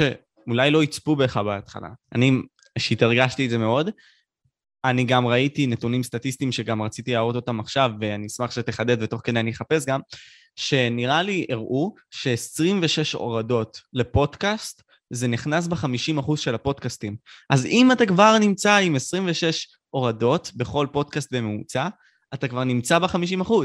אתה כבר יותר מהרבה מאוד אנשים, וזה מטורף. בסופו של יום, גם יש את הנתון הזה שאומר שהרבה מאוד מהאנשים שמתחילים את הפודקאסט, עוזבים, נגיד, אם אני לא טועה, בחמש פרקים, זה בתש... לא. אוקיי, 20 פודקאסטים, לא מסיימים אותם, איזה 90 אחוז בערך, ומאותם 90 אחוז, של ה-90 אחוז, לא מגיעים עד פרק 40. אז זה פשוט ההתמדה הזאתי, והניסיון באמת להשתפר כל יום ולהיות הפודקאסטר הכי טוב, המראיין הכי טוב, בסופו של יום מאפשר לנו גם להצליח, לבינתיים. כי עם כמה שתיארת שעכשיו זה יותר קל, אה, סליחה, יותר קשה, יותר נכון, ופעם זה היה יותר קל, עדיין זה קל לדעתי, כי בסופו של יום אני ואתה מקבלים חשיפה ולא קטנה. לגמרי, וגם לא רציתי לצייר את זה בתור משהו שקשה לעשות אותו היום, כי מצד אחד, לפני ארבע שנים היה יותר אה, קל אה, לתפוס קהל, אבל מצד שני היה הרבה פחות קהל, הבריכה הייתה הרבה יותר קטנה, אנשים לא ידעו מה זה פודקאסט כל כך לפני שלוש-ארבע שנים, כשאני התחלתי לדבר על זה עם אנשים, הם אפילו לא הבינו את הקונספט. היום כשאני מדבר עם אנשים, אני אומר, אתה יודע מה זה פודקאסט? כן, כן, אני מכיר, הם אפילו מכירים כמה, יש מצב שהם שמעו כמה, אז מה שנקרא, האזרח הממוצע בחוץ, אה, הוא מכיר, הוא יודע מה זה פודקאסטים. אולי הוא לא שומע, אבל הוא שמע על זה, הוא שומע שאנשים מתעסקים בזה. וזה לא היה ככה לפני שלוש-ארבע שנים, אז יש יתרון וחיסרון. גם כמות המידע והנגישות וכמות האולפנים שעבור לא הרבה כסף יעזרו לך להקליט פודקאסט, לערוך אותו ולפרסם אותו. התוכנות שזמינות היום לכולם. זאת אומרת, זה גם דברים שרק בשנים האחרונות ראיתי שיפור מטורף בדברים האלה. אז כן, זה עדיין מאוד מאוד קל להקים פודקאסט. אולי יותר קשה לתפוס נתח גדול בשלב יחסית מהיר. לזה התכוונתי. כן, הרבה שוק. קשה להשיג. אמ, כי, כי, כי יש הרבה שמתחרים על האוזן. אם אתה בן אדם עם איזה. מלא פולוורס באינסטגרם, או דף מטורף בפייסבוק, או שיש לך קהילה באיזושהי צורה גדולה ואתה מתחיל איתה, אז יש לך סיכוי כבר בשלב מוקדם לתפוס הרבה אה, מאזינים. עומרי כספי בדוגמה. לגמרי, דוגמה מצוינת. כן, אז דוגמה שבעצם התחילה את כל הדברים האלה, ואני אחדד את מה שאתה אומר בעצם, בכך שזה מ-The Podcast Host, כשיש לך יותר מ-26 הורדות בעצם, אתה ב-50% של הפודקאסטים. כשיש לך יותר מ-72 הורדות, אתה נמצא ב-25%. כשאתה נמצא עם יותר מ-231 הורדות, אתה ב-10, וכשאתה נמצא יותר מ-539, אתה עם 5%. וזה מטורף. זה, זה אומר מטורף. שאתה עדיין יכול לעשות את זה. כמובן השוק עדיין הוא לא גדול, אבל לאט לאט עם הזמן הוא יהיה יותר גדול. אבל הסיכוי שלכם לתפוס אוזן של מישהו, אפילו בנישה קטנה, יכולה להיות משמעותית גדולה, אם באמת תעשו את זה ותתמידו. נגיד, לא סתם, ואני באמת עכשיו אתן קרדיט עצום לשלומי, לא סתם שלומי המשיך עם הפודקאסט שלו והגיע למספר רב של צפיות והורדות, לא, זה באמת בא מהשקעה מסוימת, ואני רוצה שתיכנס לזה, כי זה באמת חשוב. ההשקעה הזאת היא זאתי שהובילה אותך לכך שא', אנשים נתנו לך קרדיט, אנשים הלכו לפודקאסט שלך, אתה גם נשייתי אחרי הכל, שזה מאוד יפה, אני לא נשייתי, שזה באסה, אבל אתה נשייתי גם, ואתה באמת תופס להרבה מאוד אנשים את האוזניים, וזה באמת מדהים, ואני חושב שעוד הרבה כאלה יכולים לעשות את זה. יש לנו כל כך הרבה חורים בקהילה הישראלית שאפשר לתפוס עכשיו מבחינת היוטיוב, שעכשיו זה הזמן. וזה משהו שבאמת מוכרים לנו כל הזמן ואומרים, היום הטוב ביותר שהיית אמור להתחיל בו זה האתמול. וואו. בסופו של יום, תתחילו היום ותעשו את זה אם אתם באמת מאמינים בזה. כי יש לכם מקום. אין לי מה להוסיף. אין לי מה להוסיף. ואתה יודע, יש כמה דברים שאני רוצה לדבר עליהם. אחד, זוכר שבהתחלה דיברתי על זה ש growth mindset והתפתחות אישית זה משהו שפשוט פותח לך את הראש להזדמנויות. מה זה פותח את הראש להזדמנויות? זה פותח את הראש לניצול הזדמנויות. וזה בדיוק זה, זה בדיוק מה שאתה מדבר עליו, כי להיות באמת ב... לצאת מהאזור נוחות שלנו, לקבל אתגרים, להיות מוכן לאפשרות שאתה תעשה משהו שלא יצליח. זה להיות בן אדם שיודע לנעוץ את השיניים בהזדמנויות. כי אין בעיה עם זה שלא תצליח שבע פעמים, אבל יכול להיות שפעם אחת תתפוס משהו שישנה לך את החיים. אתה יודע, יכול להיות שאני התחלתי לפני כן בחיים כל מיני מיזמים קטנים, וניסיתי אולי להקים איזה בלוג פעם אחת, או איזה עסק פעם אחת, או איזה... אבל בסוף, בנקודה מסוימת גם החלטתי לעשות פודקאסט. והדבר הזה, אתה יודע, הפעם, הפעם הזאתי שנעצתי את השיניים, שם הדברים הקליקו, וכל הניסיון שצברתי בדברים קודמים שכן עבדו ולא עבדו, הגיעו לפה, והמומנטום, והאנרגיה, והפשן, שם הכל הקליק. אז קודם כל, לגמרי, ללכת ולנסות ולעשות, זה כל כך חשוב. והאורח הראשון שלי קוראים לו אבי ירון. הוא בן אדם מרתק, מרתק, מרתק, אבל אתה יודע, את אבי ירון הכרתי, כי כשהייתי סטודנט בתואר השני, ביקשו מאיתנו לעשות עבודה על איזה יזם או בעל עסק שמעורר בנו השראה. ובדיוק כמה חודשים לפני כן ראיתי כתבה בטלוויזיה על יזם שהיה לו גידול במוח, והוא במקביל הקים חברה לטפל בגידולים במוח. אמרתי לעצמי, מי זה הבן אדם המטורף הזה? אני את העבודה שלי, ב, ב, את הסמינריון שלי אעשה עליו. אז. הכרתי את אבי ירון ב-2012, 2011, ושם הוא אמר לי משפט, הוא אמר לי, אה, המשפט, זה, הוא היה לי כתוב על ה desktop אה, אה, לתקופה מסוימת, ואני חושב שזה היה משהו כמו, כשיש לך הזדמנות טובה, תיקח אותה בשתי ידיים ותרוץ איתה. ואני חושב שזה נשמע משפט כל כך פשוט וכל כך לא מיושם הרבה פעמים, כי אנחנו פשוט נותנים להזדמנויות לחלוף. במיליון תירוצים, אני צעיר מדי, אני מבוגר מדי. אתה יודע, אני יכלתי להגיד, מה אני אקים עכשיו פודקאסט ואתחיל להיכנס להתפתחות אישית, אני כבר בן שלוש... הקמתי את זה בגיל 35, אני כבר בן 35, מה אני עכשיו אכנס לעולם הזה? באותה מידה, אנשים בגיל שלך יכולים להגיד, מי, מה אני עכשיו אקים פודקאסט וידבר על נושאים שונים, ואני רק בן 18, אני צעיר מדי. אני נשוי מדי, אני רווק מדי, אני רזה מדי, אני שמן מדי. תמיד יש את המדי הזה. כן, בדיוק, בדיוק. אני עוד לא בשל לזה, אני עוד לא עשיתי תואר. אין זמן יותר טוב מעכשיו, אתה אמרת את זה בצורה הכי טובה שיש, כאילו, הזמן הכי טוב, כאילו, הוא אתמול, הזמן הבא הכי טוב אחריו, זה עכשיו. ואתה יודע, אני רואה את זה בהמון מקומות, הרבה פעמים אנשים אומרים, אתה יודע, זה... אני, נגיד, מאוד מעניין אותי ביטקוין וקריפטו באופן כללי, זה, זה תחום שמרתק אותי כבר שנה, אני חוקר אותו, כאילו זה התחום שהשתלט על החיים שלי יותר מהתפתחות אישית, נגיד, בשנה האחרונה, ברמת הזמן שאני מקצה לה... ההשקעה שלי בזה גם מחשבתית, גם כלכלית. אתה יודע, וזה תחום שהוא כל כך צעיר. רוב האנשים נעים בטווח שבין, לא, זה עדיין לא באמת אה, זכה לאימוץ גדול, לבין לא, רוב הרווחים בביטקוין כבר, אה, כבר מומשו בהתחלה, כי פעם ביטקוין היה שווה דולר. אז אני כאילו עוצר ואני אומר, רגע, רגע, איפה אתם? זה עוד לא אומץ על ידי הציבור הרחב, או שכבר כל הרווחים נעשו בביטקוין, כאילו, אבל מה משם הוא אמיתי? ואני חושב שאתה יודע, אנחנו כל כך מוקדמים, זה קצת כמו לדבר על אינטרנט בשנת 99 ולהגיד, לא, תשמע, כבר יש אה, מודמים שעובדים וכבר מלא אתרים קיימים.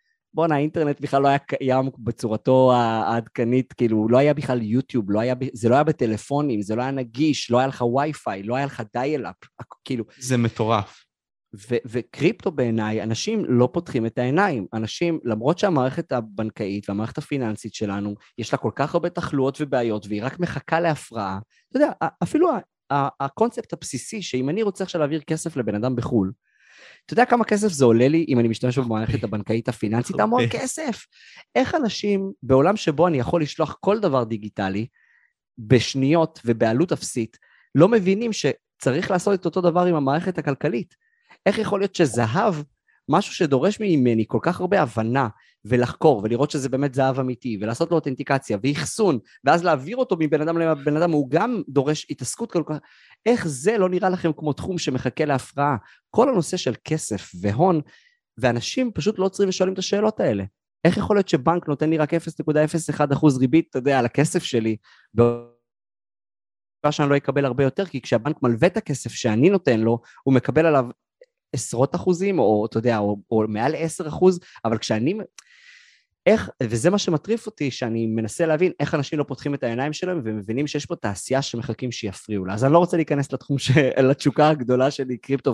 וביטקוין, אבל זו דוגמה מצוינת לאיך קיימות הזדמנויות מתחת לאף שלנו ואנחנו לא נמצמץ וניתן להם לחלוף, ויום אחד נגיד, כן, כן, שמעתי על זה פעם, אבל לא האמנתי בזה אז, אבל היום כשביטקוין שווה, בוא נדמיין חמש שנים קדימה, מיליון דולר, עכשיו אני מאמין בו, עכשיו אני אקנה חתיכת ביטקוין בשביל לתת לילדים שלי. וזה מה שיקרה, משה, אתה יודע, אני ואתה נסתכל על השיחה הזאת בעוד כמה שנים, אני לא יודע בדיוק מה תהיה הצורה של, כאילו, של קריפטו ובלוקצ'יין באופן כללי, אבל בוודאות אנחנו נחיה בעולם שבו הדבר הזה שינה את פני הכלכלה העולמית, ואנשים נתנו לזה להתמסמס ואמרו, לא, קריפטו זה של רמאות, אנשים עושים עם זה כל מיני דברים, זה הולך לאפס, זה יהיה שווה אפס עוד כמה ימים. לא נראה לי שזה יקרה, ולא נראה לי שהכסף הגדול בעולם חושב שזה מה שהולך לקרות. והוא פשוט שואל את עצמו, אוקיי, איך אנחנו משחקים את המשחק הזה? ואני אומר לך בכנות, אני פשוט רואה אין ספור אנשים סביבי, נותנים לי הזדמנות כזאת להתפספס, אז לא ניכנס לזה, לא נצלול לזה יותר ממה שכבר גנבתי את הנושא, אבל הנה, הזדמנות לאנשים לנסות להתחיל ולהתעניין בעולם שרק התחיל. זה כל כך מוקדם, שאנחנו אפילו לא מדמיינים, ואנשים שחושבים שרוב הכסף כבר נעשה בביטקוין ובקריפטו, מפספסים את הנקודה. לגמרי. לגמרי מפספסים את הנקודה, וזה זה באמת מחדד לי את הדבר האחרון שאני רוצה להתעסק איתך, אבל אני אגיד את הדבר הזה שאני רוצה להגיד. זה בא מנאיביות מסוימת. כי בסופו של יום, מה שעוצר את הבן אדם, לדעתי, מהצלחה בסופו של יום בחיים האלה, זה האי-הבנה שכבר כשאתה נכנס לחיים האלה, אתה לא באמת יודע מה אתה עושה. אתה פשוט הולך, ואם אנחנו נחזור לזה, אתה, נגיד כשאתה ילד קטן, אתה לא באמת יודע מה אתה עושה. אתה פשוט צולל לחיים האלה, אתה נכנס אליהם, ואתה לא באמת יודע מה ההשלכות של הדברים שאתה עושה. ואתה, אבל אתה פשוט עושה אותם, כי אף אחד לא אומר לך לא לעשות אותם. אתה מנסה להבין את העולם, אתה מנסה להבין את החוקים, אתה למד. בסופו של יום כן יש חוקים שלא צריך לעבור אותם, אבל יש חוקים שאתה כן צריך להבין שאתה צריך ללמוד מהם, להבין מה הגבולות שלהם, ומכך גם לפעמים לחדור אותם, ולהבין שאתה יכול גם להיות אדם מצליח בכך שתתקדם, תנסה. כמו שאתה אמרת, ודיברנו על זה במהלך השיחה, כמה שיותר לפתוח את עצמך לאפשרויות, כי בסופו של יום אנחנו לא יודעים למי אנחנו ניפגש ואיפה המזל יפגוש אותנו. לגמרי. גם, אתה יודע, הצלחה ואושר הם שני מושגים שאתה יודע, התרבות שלנו הפכה אותם למושגים אה, עילאיים, חלומיים, כולנו רוצים להיות מאושרים כן. ולהגיע להצלחה. מה זה הצלחה? כאילו, באמת, בכנות אני שואל, אני לא יודע, משה, אני הצלחתי? מה, מה אתה אומר? אני חושב שכבן אדם, עכשיו, כלפיך ספציפית, יש לך עוד הרבה מה לעשות, וגם לי יש הרבה מאוד מה לעשות. וזה כל היופי, כי בסופו של יום המכסה שלנו לא נגמרת עד שאנחנו לא נכון. נטמעים באדמה. האם יום אחד אני אגיע לנקודה שאני אתקשר אליך ואגיד לך, משה, הגעתי להצלחה? אין, אין. אתה יכול להגיד את זה, אתה יכול להגיד את זה, דבר ספציפי מסוים, אבל להגיד כלפי כל הדברים שאתה עשית בחיים שלך, כמו שאני הצלחה, נקודה, אי אפשר. כי לדעתי, אדם שבאמת רוצה להצליח בחיים האלה, הוא אמור להיות מספיק ביקורתי, ומספיק עם הבנה מסוימת שהחיים האלה הם יותר מדי גדולים בשביל להגיד, אני הצלחתי. וזה בסדר להגיד הצלחתי, אבל פשוט, ה... וזה גם בסדר להגיד אני הצלחה ואני הצלחתי, אין לי בעיה עם זה שאנשים יעופו על עצמם, ולא, זה אחלה. כאילו אם אתה כבר חי בסרט, תחיה בסרט שהוא טוב ומקדם, זה אחלה. אבל uh, אין יעד, זה בדיוק מה שאתה אומר, אין יעד. כאילו, אני אומר לעצמי, אוקיי, יש לי, כאילו, זה נחמד שיש יעדי ביניים ויש מיילסטונס שחוגגים אותם, ואני בעד זה, אבל הצלחה ואושר זה מושגים כאלה שהרבה יותר כדאי לנו פשוט להתמקד בערכים שאנחנו חיים את החיים, בדרך החיים שלנו, מאשר במה מגדיר הצלחה ואיך אני מגיע לשם. כי בסוף, הדברים האלה הם מה שבאמת בשליטה שלנו. התוצאות בחיים לא תמיד בשליטה שלנו. הפעולות שלנו הן כן בשליטה שלנו. ו- וזה לדעתי המיקוד, כי בסוף סיפוק אמיתי מתמשך וצמיחה אמיתית מתמשכת שמזוהים הרבה פעמים עם אושר ועם הצלחה, הם נובעים מפעולות עקביות, שיטתיות, עם, עם דרך חיים שהיא שלנו ועם איזושהי מנטליות שבאה איתנו לאורך זמן, אז אתה באמת חי הרבה יותר את הרגעים האלה של סיפוק, מימוש, ו- ו- ו- ולא מנסה להגיע לאיזושהי תמונת ניצחון מאוד מאוד ספציפית. קיבלת אבל רגע של סיפוק מתישהו שהוא באמת היה כזה גדול לטווח ארוך? אמ, לטווח קצר כן, כולנו מקבלים, אבל לטווח ארוך באמת? לא, לא, לא כתוצאה מרגע אחד בודד. לא כתוצאה מרגע, נגיד הפודקאסט הוא משהו שמאוד מאוד מספק אותי, אבל לא, אין פרק אחד ספציפי שעשיתי שיצר את הסיפוק הזה. זה כמו שאתה אומר, אז אתה מגיע לחיים, אתה פועל בתוכם לאורך זמן, אז העשייה המתמשכת הזאת היא עבורי בלעשות עוד פרק ולפגוש עוד אנשים ולהביא עוד תוכן ולגעת בעוד אנשים. זה בעיניי הסיפוק המתמשך, אז גם כאן, אין פה רגע פיק אחד, אה, כאילו אין פה נקודה אחת שעשתה אותי מאושר או מסופק לטווח מאוד מאוד ארוך. כן, הגעתי למיילסטון, זה סיפק אותי לאיזה כמה ימים, הגעתי לכמות מאזינים, או קיבלתי איזה פידבק מטורף, או פגשתי אנשים שלא חשבתי שיגידו לי שהם מקשיבים לפודקאסט ועוד לומדים ממנו, אז יצר משהו, אבל זה, זה, זה מחזיק כמה ימים, וזה נחמד, ואתה יודע, it's another day, אתה קם ואתה ממשיך לעשות את הדברים. אני חושב שדווקא העשייה ולהתמקד בערכים ובפעולות ובהרגלים הרבה יותר חשוב מלהגיע לאותם, אה, לאותם רגעים ספציפיים. שוב, אני מקווה שאני לא מנמיך את החגיגה של ההצלחות הקטנות, או את ה... מאוד חשוב, לי, כן, אני כן חוגג את ההצלחות הקטנות, וזה כן חשוב לפרק ולהשיג יעדים וליהנות מהצלחות ולהגיד על עצמנו שהצלחנו. אני לרגע לא רוצה להוריד את זה מהשולחן. כי זה מאוד חשוב וזה בונה מומנטום. אני פשוט מבין שלא פחות חשוב לי בחיים האישיים שלי להיות הרבה יותר ממוקד ב, בהרגלים, בדרך חיים, בסגנון חשיבה, במנטליות שאני מביא איתי, כי הם הדברים שנשארים איתי לאורך זמן, הרבה יותר מאותו רגע מקרי שבו זכיתי להצלחה, או שמישהו אמר לי זה משהו מדהים, כי, כי, כי זה גם בשליטה שלי, ויכול להיות שמחר מישהו לא יגיד לי משהו מדהים, ואני לא אפגוש מישהו מדהים, והפרק הזה לא יהיה פצצה, או שמשהו יקרה, וזה לא בשליטה שלי, אז אני אמשיך להתמקד במה שבשליטה שלי, כי לא בשליטה שלי מי יאהב את הפודקאסט, או יגיד לי את ההצלחה, או, או, או ייתן לי תעודת uh, סיום כזאת או אחרת על הישג כזה או אחר. מחשבה סטואית מאוד, ה... כן, אז זה היה סיכום מדהים לעניין הזה, ומחשבה סטואית מאוד מעניינת. אתה יודע, עם כל העניין הזה שדיברנו, ודיברנו על הרבה מאוד נושאים בסופו של יום. כן, לגמרי. לגמרי, ואתה יודע, אני, אני אישית כמראיין, היה לי כל כך כיף איתך, ואני באמת אומר את זה, כי באמת היה לי כיף. אני מרגיש שקודם כל דיברנו על הרבה מאוד נושאים, וגם חווינו הרבה מאוד נושאים, ונתנו גם לאנשים שצופים בנו מין סוג של הייז כאלה מעניינים, וגם כזה דיברנו בקטנה כזה על דברים שהם לכאורה לא נעימים גם, כמו תר... אנשים שמרמים בקטנה וכו', אבל עלינו עוד פעם, וזה היה מדהים, זה היה באמת מדהים. ואתה יודע, עם כל העניין הזה, אני אומר לעצמי, מה השיעור הכי גדול שהחיים לימדו אותך? כי דיברנו על כל כך הרבה, דיברנו על דברים שהחיים לימדו אותנו בצורה מוזרה כזאת, חוויות, דברים כאלה, ספרים, אבל מה הדבר שהיית יכול להצביע עליו והיית אומר, זה השיעור הכי גדול שלמדתי בחיים?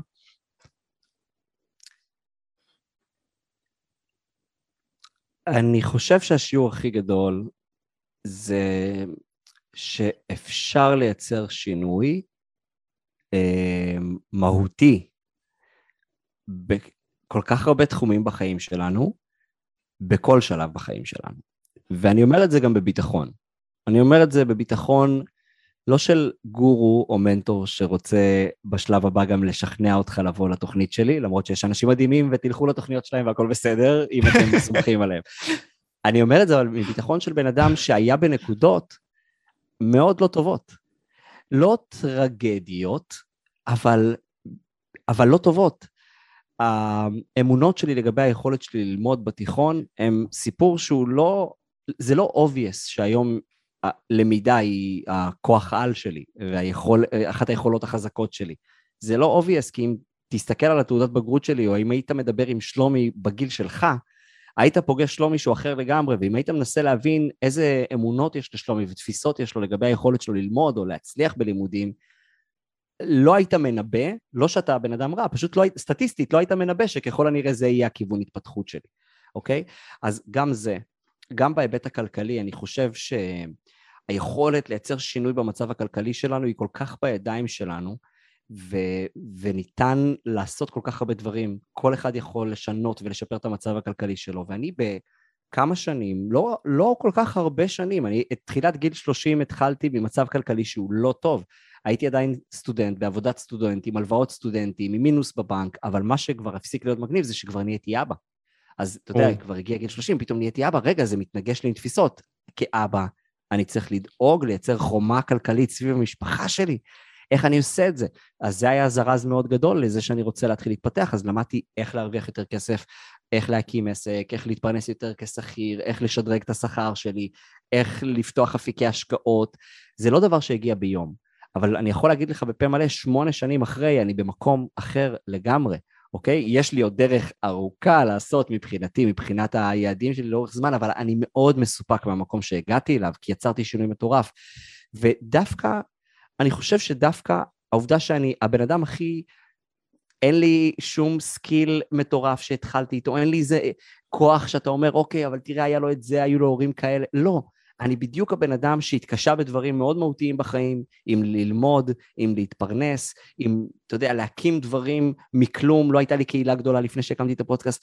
דווקא היכולת שלי לחוות את החיים ממקום שלא היה שום אלמנט שדחף אותי קדימה. את הכל בניתי באמצעות האמונה שאפשר לעשות את הדברים, ואני חושב שזה השיעור הכי גדול שלי, כאילו תאמין שאפשר לעשות שינוי ותהיה מוכן לרוץ לטווח ארוך, ואני מבטיח לך, הבטחה אמיתית, שאתה תשיג את השינוי הזה. מי שנחוש לייצר משהו לטווח ארוך ופועל בעקביות להשיג אותו, זה בעיניי הצלחה. הצלחה זה היכולת שלנו להיות עקביים ולפעול על מנת להשיג את המטרות והיעדים שלנו לאורך זמן.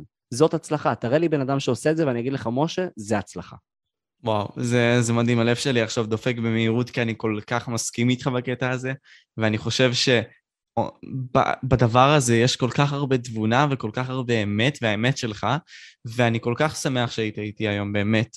מהסיבה הפשוטה שעברנו על כל כך הרבה נושאים, גם אני ארצה שנדבר על זה בנושאים אחרים כמו ביטקוין, כמו שאמרת, באירועים אחרים גם. אני רוצה לתת את הקרדיט where it's due. בכללי אתם יכולים למצוא את שלומי בכל מה שקשור ל-mindset.org.il, שזה האתר של מיינדסט. הפודקאסט עצמו של ההתפתחות האישית. בנוסף לכך גם ב-Spotify, ב-Apple Music, אה, ב-Apple, וואו, Apple פודקאסט, וואו, מה יש לי? Apple פודקאסט וכו', אה, וכמובן ביוטיוב. ואני אשאיר את כל הלינקים בתיאור, ואם יש לך עוד משהו להוסיף, אה, שלומי, אני אשמח לשמוע אותך. אה, אני, קודם כל אני רוצה להגיד לך תודה אה, אמיתית על הזמן שנתת לי ועל זה שבכלל הזמנת אותי, היה לי גם מאוד נעים ומאוד כיף לדבר איתך, אני חייב להגיד ש...